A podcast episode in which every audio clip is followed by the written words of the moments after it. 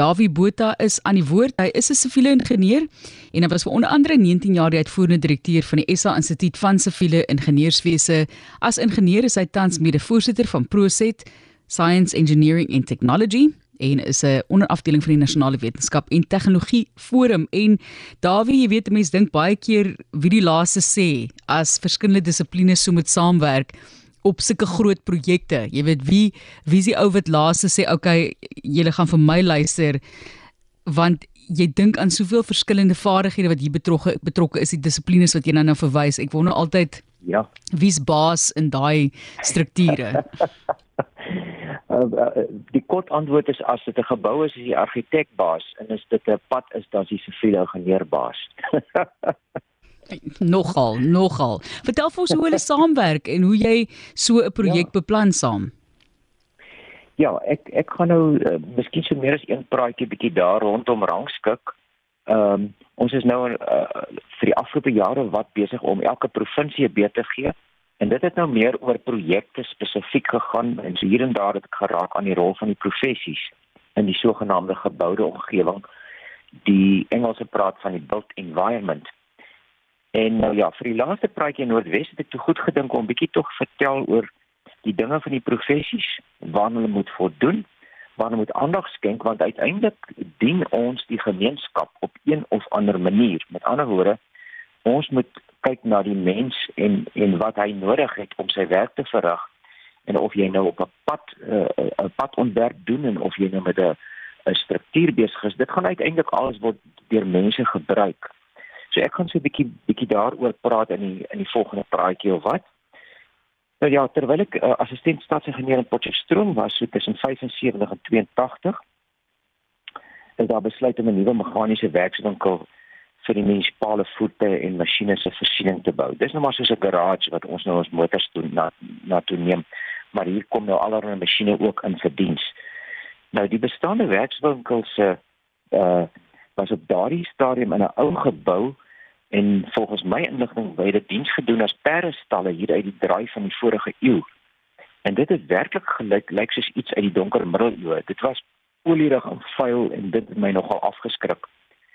En die terrein wat toe gekies is was die ou tronk se groentelande. En op daardie stadium, dis so grappenderwys, was daar nog net 'n klein huisie staande en daardie huisie het 'n staaldeur gehad. Dis nie die dubbeldeure wat mens bo kan oopmaak en onder toe hou. En dit was blykbaar as die tronkbewaarder tog die gevangenes kon dop as hy draai gaan loop. Maar dit my natuurlik geweldig geamuseer om te dink jy's jy's nou daar en dan moet jy nou kyk of die gevangenes daarmee nog hulle werk doen.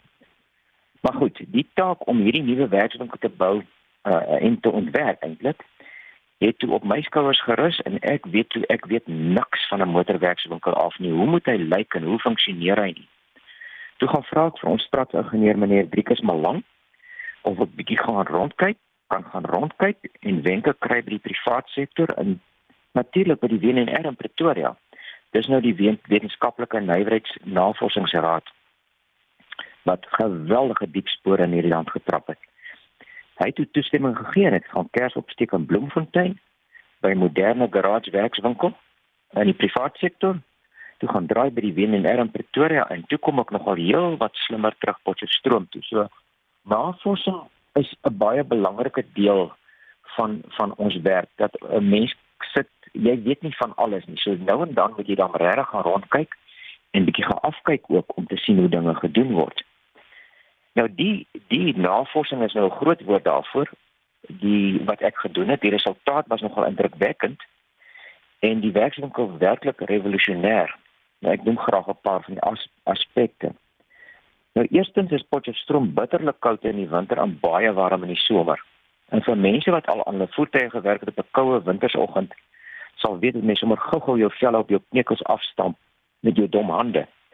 En om dit toe nou te vermy, uh, het die manne baie keer eers later in die oggend begin werk as dit warmer was. Met ander woorde jy verloor werksure.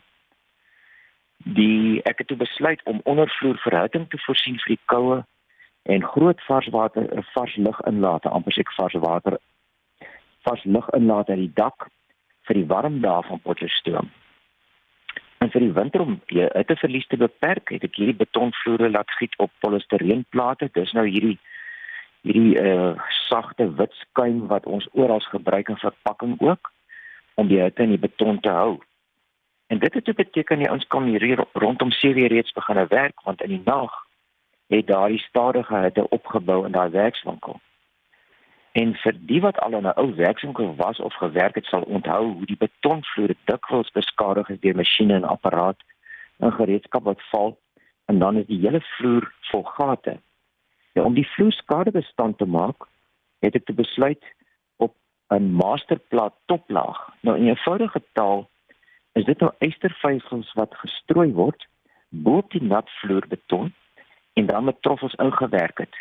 En daardie toplaag beskadig nie maklik nie. Hy duik eerder as om in stukke uit te breek. En verder, omdat die werkswinkelvloere so vuil word, het ek 'n toplaag van epoksieverf laat aanbring om die skoonmaak makliker te maak.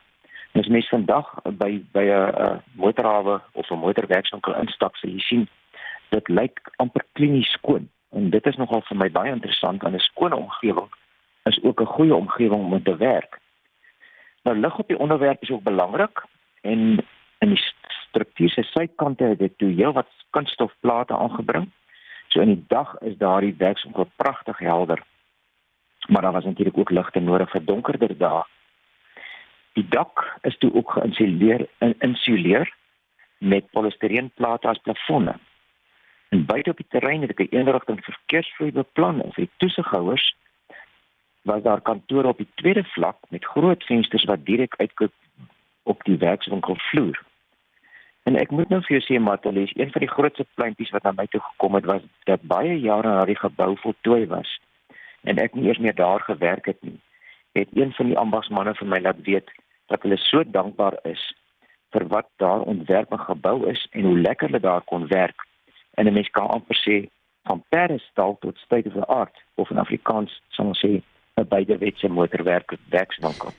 nou ons het verlede week daar verby gery. Hy staan nog. Ek hoop hy's nog so goed na omtrent 40 jaar. Miskien moet ek een of ander tyd gaan kyk. En dan nou op hierdie stadium en hierdie praatjie nog so iets oor die uitleg van woondorpe en groen geboue. Nou die wen en er het, het soos ek reeds gesê het vir ons sommer baie teken in ons land. En een van hulle aanbevelings vir woonhuise is byvoorbeeld dat 'n huis in Suid-Afrika se meeste vensters so tussen 15 grade wes en 15 grade oos van noord moet wees. Wat dit beteken dat die meeste huise dan vir die lang kant van die huis so min of meer oos-wes moet staan. Ek hoop julle verstaan wat ek bedoel. Die rede daarvoor is dat die huis in die winter genoeg son kry om kunsmatige verwarming te verminder. En in die somer as die son amper bokant ontstaan, dan is daar nie son op die vensters nie. Maar as 'n huis wes kyk of oos kyk, dan het jy sommer groot probleme in winter en somer. En in die Weskaap is dit natuurlik absoluut ongewens dat 'n huis wes of oos kyk, want dit is vrek warm in die somer en dan reën dit nog by die voordeur in van die uit die noordweste. En as die swart suidoos hierso reën uit die ooste bring, dan is jy huis opnat. Maar om 'n noord huis noord te laat kyk, moet 'n mens ook seker maak dan dat jou erwe se langkant oos-wes oriënteer. Dis die kortste erfgrens moet dus oos of wes wees. En dit is van baie groot belang veral in behuising vir laer inkomste groepe wat nie geld het vir ligreëling of verwarmers nie. Maar dit kos nogal dink om 'n dorp se strate so te beplan dat die huise die wen en erse oriëntasie aanbevelings kan bevredig.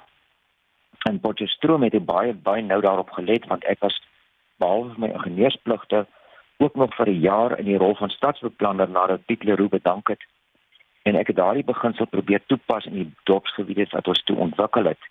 Maar ek kan vir jou sê dit is iets wat nie vry algemeen bekend is nie en die stadsbeplanners uh kan moontlik 'n 'n 'n bietjie raad neem uit hierdie uh, saak want 'n mooi uitgelegde dorp is nie noodwendig 'n doelmatige dorp as mens kyk na die die plasing van huise nie. Maar as die erfenis sy nou nouste kant op die noorde kant staan, dan kan jy nie lekker daai huis inpas nie. Maar dit wys net maar net daar's 'n groot legkaart waarvan die stukkies moet inpas en dat nie een van hierdie geboude omgewingsspanne eiland is nie. En dit beteken dat ons almal ons moet steur aan die ander professies. Maar nou ja, ons sal nog 'n bietjie verder gesels oor die Buro van Standaarde Innovantiteit en dan die WNR se bydraes om ons land te bou op 'n later stadium. Dis tot sover 'n materie. Dan sê Dawie, sê vir hoe voel dit wanneer jy so verby een van daai geboue of strukture ry wat jy nou by betrokke was oor die jare en jy sê soos hy staan nog sterk in Swan. Jy moet hom seker baie trots wees elke keer of hoe. My my ek moet sê ag dit ek hoop net dit klink uitdel maar my hart swel 'n bietjie hoor. O, goed. Ons het uh, so so 'n week of twee gelede ook het ek gepraat oor die Goeds Fleischhak Museum in in uh, Potchefstroom wat ek gehelp restoreer het en uh, ek het sommer my seun gou gesê kyk daar kyk daar hy staan nog. Mooi. Nou ja.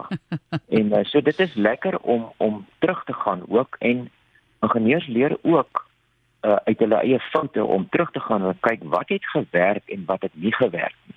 Dis 'n belangrike uh, les vir ons. Uh, want geen ingenieur of geen beplanningsprofessie persoon is perfek nie.